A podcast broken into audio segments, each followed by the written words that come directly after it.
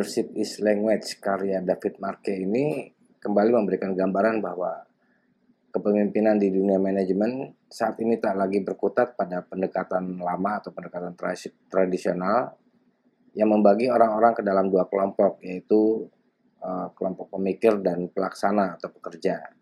Di buku ini David Marke mengupas betapa perubahan dan kemajuan di era saat ini mengubah pola kepemimpinan dalam manajemen dari yang tadinya bersifat satu arah atau top down menjadi dua arah.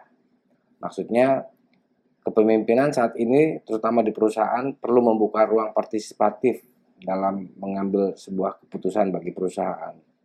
Kenapa uh, ruang partisipasi ini penting? Uh, David Marke menjelaskan bahwa dengan adanya ruang bagi semua orang yang ada di dalam manajemen untuk memberikan ide atau gagasan, maka manajemen bisa mempunyai lebih banyak pilihan untuk membuat keputusan yang terbaik uh, bagi perusahaan. David Marke mengambil dua contoh peristiwa tragis akibat adanya kegagalan bahasa atau bisa disimpulkan sebagai kegagalan pengambilan keputusan yang berujung pada peristiwa tragis. Kedua contoh itu adalah peristiwa hilangnya kapal kontainer Alvaro di Bahama tahun 2015 dan kebakaran anjungan minyak uh, Deepwater Horizon tahun 2010. Nah, yang kedua ini memang saya juga sempat nih ngeliat filmnya.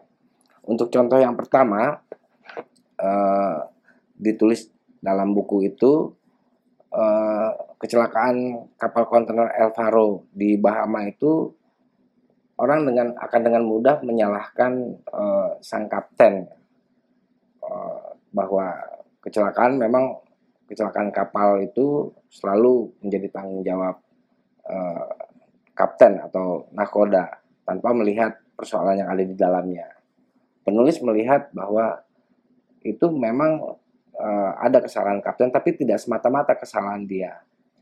Uh, salah satu yang digambarkan misalnya pada peristiwa itu orang-orang yang ada di dalam kapal bisa saja dimintai pendapat oleh sang kapten, misalnya seberapa yakin uh, dia untuk terus melanjutkan pelayaran. Atau juga misalnya uh, saat ada komunikasi dengan pihak pemilik kapal apa yang harus dilakukan atau apa yang harus di atau langkah apa yang harus diambil ketika terjadi uh, cuaca yang kurang kondusif untuk pelayaran.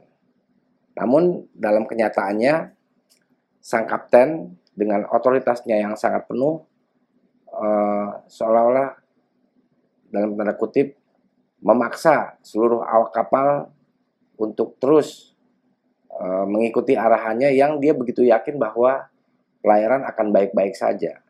Tapi kenyataannya tidaklah seperti yang ada dalam pikiran sang, sang kapten sehingga dalam peristiwa itu uh, kapal kontainer dengan 33 awaknya hilang di uh, Bahama.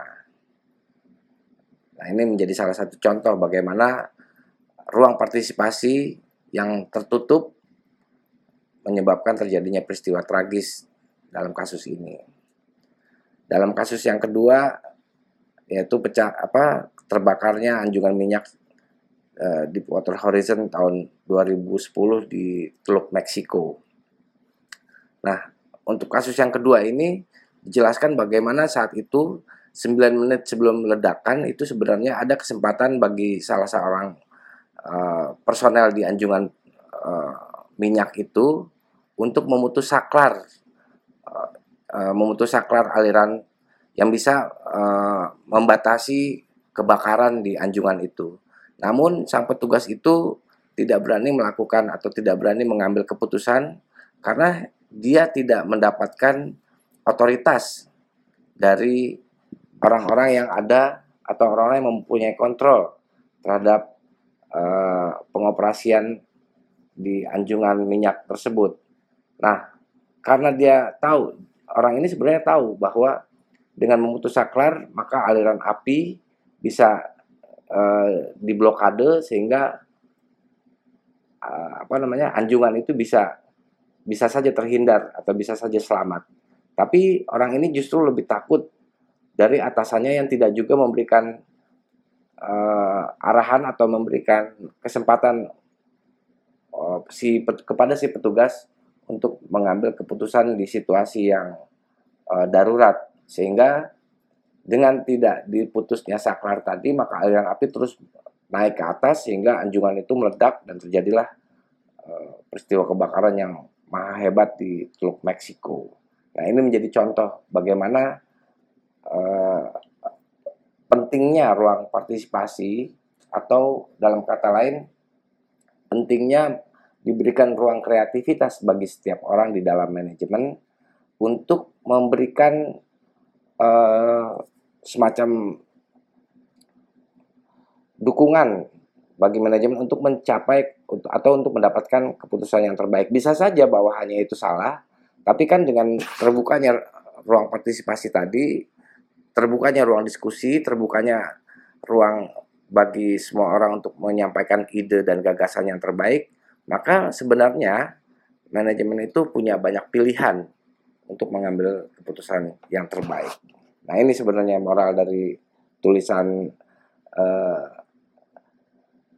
Leadership is Language karya David Marke ini. Nah, di Indonesia sebenarnya justru lebih tua punya cerita yang juga nggak kalah epic ya. Tapi ini sifatnya bukan perusahaan. Saya punya contoh sedikit tentang bagaimana sejarah Republik.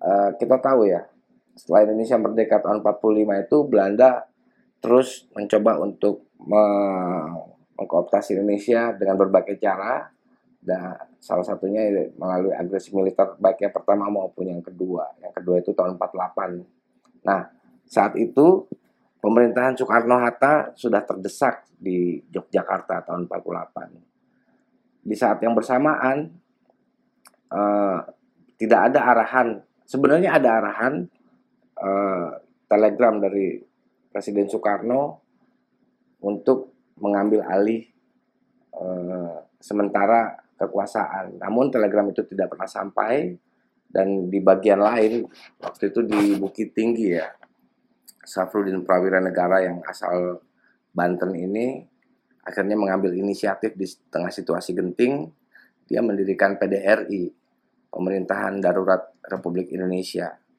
Nah, PDRI ini menjadi sangat penting di saat itu karena pada saat yang bersamaan di Yogyakarta ketika Eh, pemerintahan Soekarno-Hatta sedang dilumpuhkan akibat agresi militer kedua yang dilakukan oleh Belanda, eh, pemerintah Belanda itu melakukan kampanye atau agitasi di di secara global ya yang menyebutkan bahwa Indonesia ini udah nggak ada nggak ada apa-apanya lagi pemimpinnya udah bisa kita tawan tapi dengan adanya PDRI tadi itu seolah-olah membatalkan klaim-klaim Belanda bahwa uh, Indonesia itu sudah tidak ada. Jadi keberadaan PDRI itu justru uh, menjadi signal penting bagi global ya, dan menunjukkan bahwa ini loh eksistensi Indonesia, Indonesia masih ada. Dan karena memang saat itu situasinya darurat, akhirnya Soekarno Hatta bisa diselamatkan dan akhirnya pemerintahan bisa dikembalikan ke Presiden uh, Soekarno Hatta. Nah ini salah satu contoh bagaimana uh, apa namanya improvisasi atau kreativitas atau ya apa pun lah namanya semacam itu ya bisa dilakukan untuk bahkan menyelamatkan uh, entitas perusahaan misalnya. Jadi kalau misalnya ada ruang-ruang terbuka bagi orang-orang yang ada di dalam manajemen untuk melakukan sesuatu atau memberikan ide sesuatu yang uh, apa lebih banyak pilihan itu akan memberikan ruang juga bagi manajemen untuk mendapatkan keputusan-keputusan yang terbaik uh, dari pikiran banyak orang. Nah ini memang perubahan yang cukup signifikan dalam konteks uh, manajemen. Tapi uh, pembagian pendekatan tradisional yang dulu pernah ada itu memang nggak bisa disalahkan ya. Karena pendekatan lama itu kan sesuai dengan eranya saat itu era industri.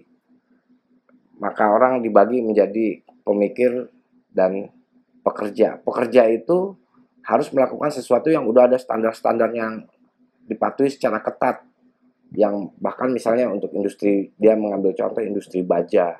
Industri ini dia butuh SOP SOP yang harus diikuti secara ketat karena dia memproduksi barang dalam jumlah massal dengan standar yang harus sama.